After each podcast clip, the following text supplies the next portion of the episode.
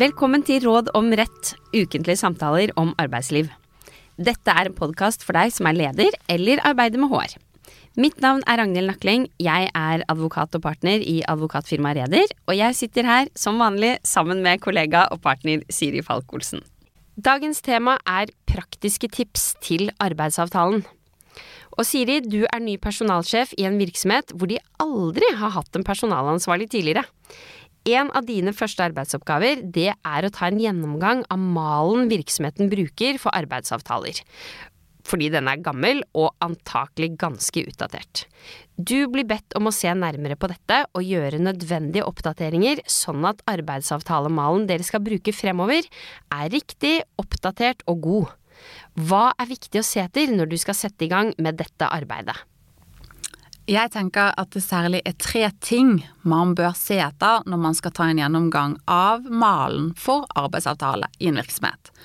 For det første så er det viktig at arbeidsavtalen inneholder de punktene man etter arbeidsmiljøloven er forpliktet til å ha med i arbeidsavtalen. For det andre så er det viktig at bestemmelsen i avtalen er i samsvar med det lovverket som gjelder i dag, altså at avtalemalen ikke er utdatert eller viser til gamle lovbestemmelser, og for det tredje så er det viktig at arbeidsgiver ved utforming av arbeidsavtalen har et bevisst forhold til, til, at det som står i avtalen, faktisk setter noen grenser for hvilke endringer arbeidsgiver senere kan foreta. Og da snakker vi ofte om forholdet mellom individuelt avtalte rettigheter og arbeidsgivers endringsadgang. Ja, Hvis vi begynner med det første punktet, så snakker du om at arbeidsgiver må passe på at avtalen inneholder de bestemmelsene som man etter arbeidsmiljøloven skal ha med i avtalen. Og hvilke bestemmelser er det, hva må man ha med? Ja, arbeidsmiljøloven har faktisk en helt egen bestemmelse om minimumskravene til arbeidsavtalen. Jeg tror ikke det er så mange som ofte er inne i denne bestemmelsen. Men det står faktisk en del ting om hva som må være med i en arbeidsavtale. Og som en start så er det viktig å huske at det alltid skal inngås en skriftlig avtale. Muntlig arbeidsavtale det er ikke godt nok etter loven. Og så er det videre et krav om at avtalen skal inneholde opplysninger om alle forhold som er det man kaller av vesentlig betydning for arbeidsforholdet. Og hvilke forhold er av vesentlig betydning for arbeidsforholdet?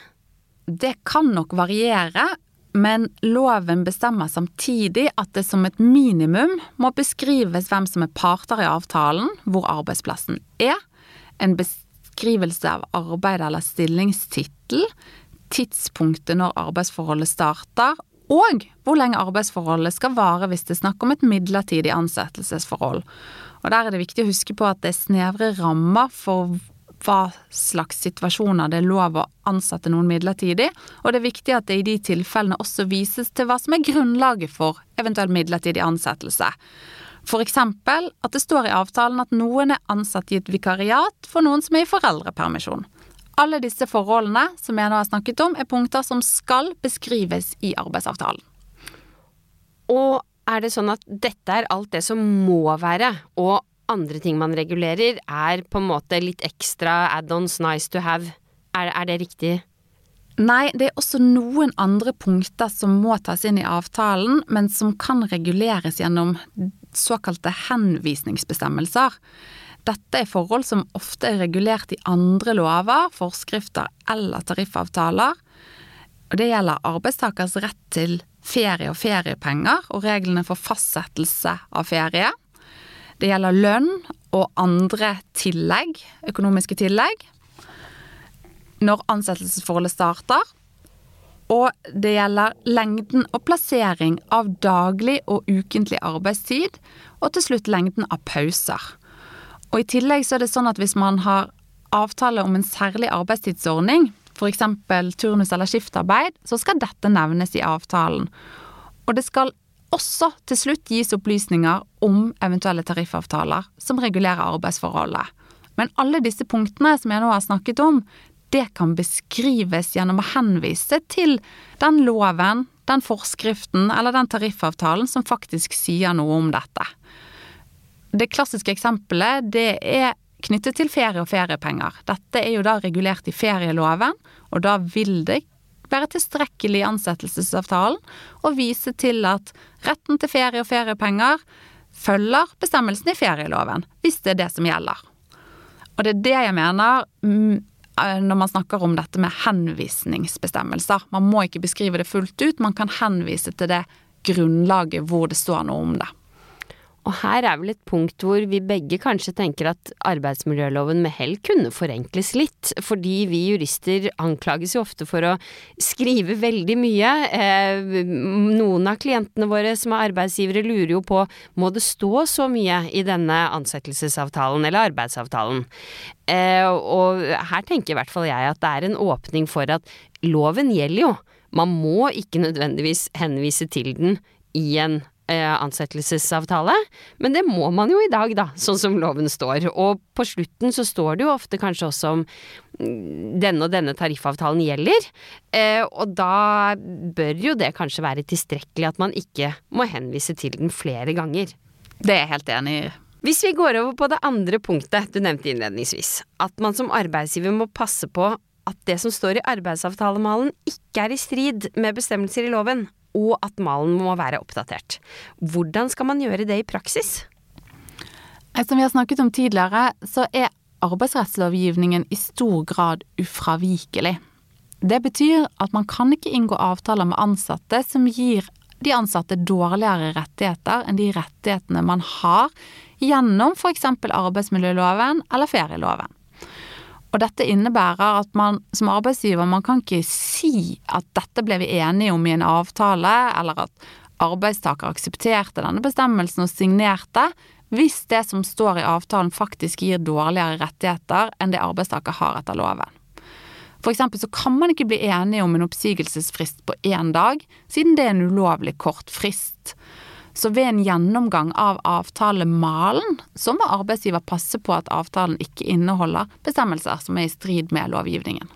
Og hva med lovendringer? Arbeidsrett er jo et felt hvor det skjer hyppige lovendringer, ganske mange lovendringer.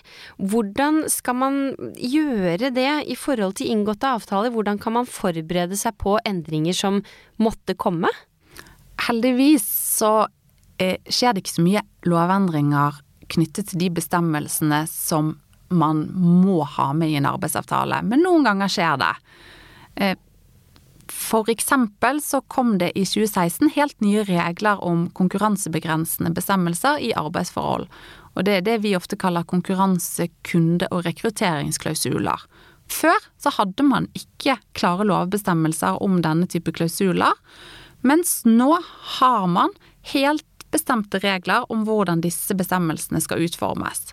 Så når sånne lovendringer skjer, så er det veldig viktig at man som arbeidsgiver oppdaterer ansettelsesavtalen, sånn at den ikke inneholder utdaterte, eller i verste fall ikke gyldige bestemmelser.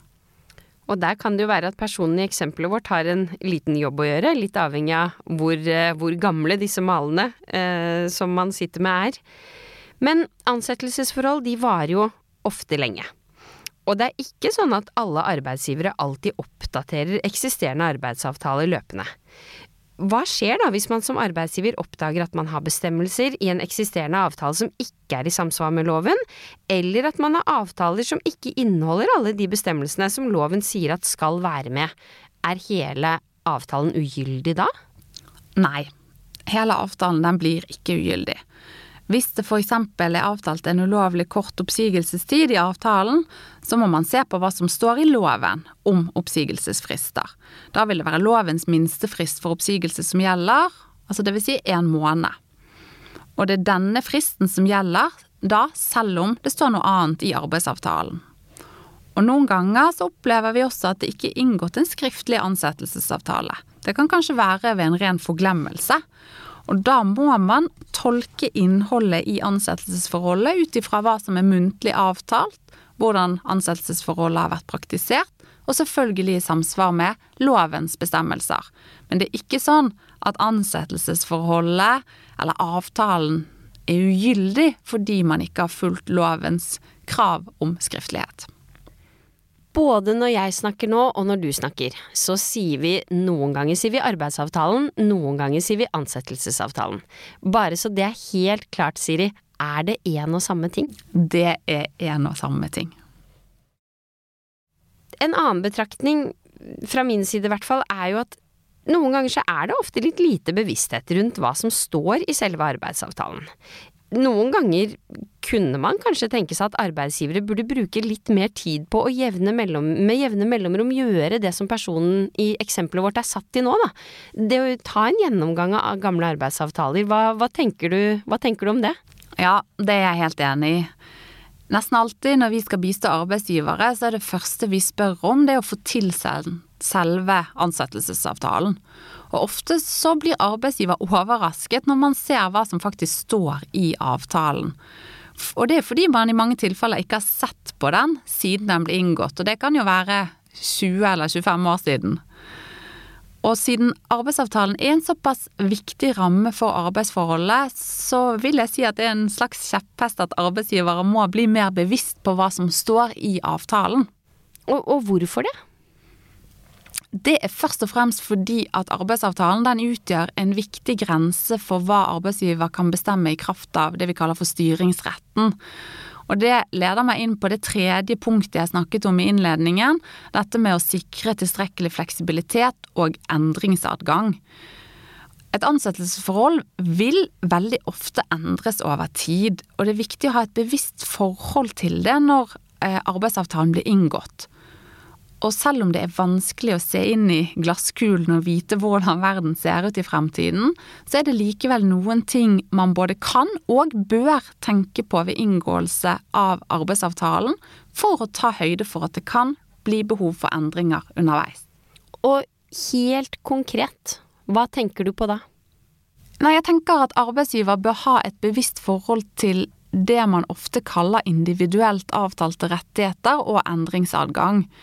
For eksempel så kan det være sånn at man på ansettelsestidspunktet er en virksomhet med god økonomi, som har vist strålende resultater de siste årene, og på bakgrunn av dette så har man innført en raus bonusordning for at de ansatte skal få ta del i denne oppgangen.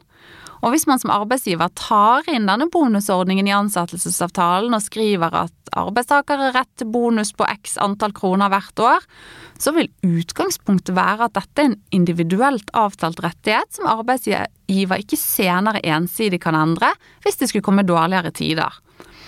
Og da er det viktig å ha denne tanken med seg i ansettelsesprosessen, og huske på at det kan komme en tid hvor det er behov for å justere bonusutbetalinger i takt med kostnadsbildet, og at man i avtalen da er tydelig på at arbeidsgiver vil kunne endre denne ordningen senere.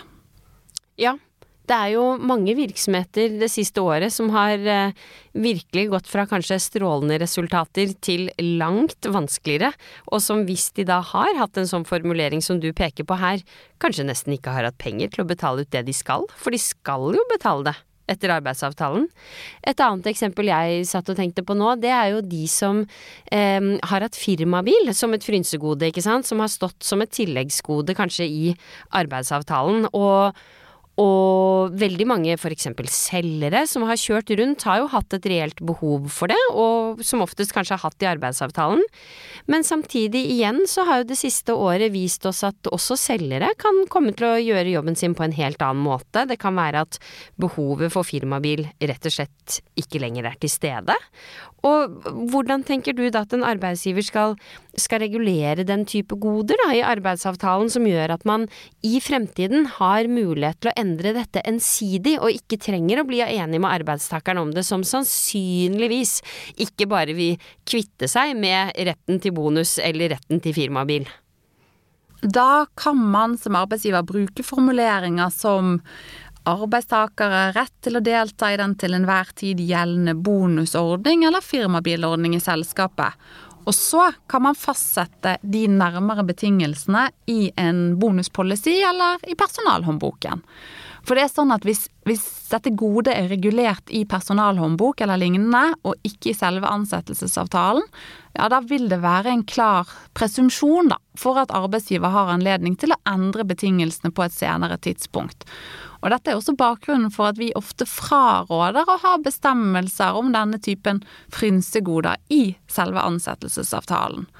Og hvis det står noe om, om dette godet i selve arbeidsavtalen, ja, da anbefaler vi at man bør ta et forbehold om at dette kan endres på et senere tidspunkt.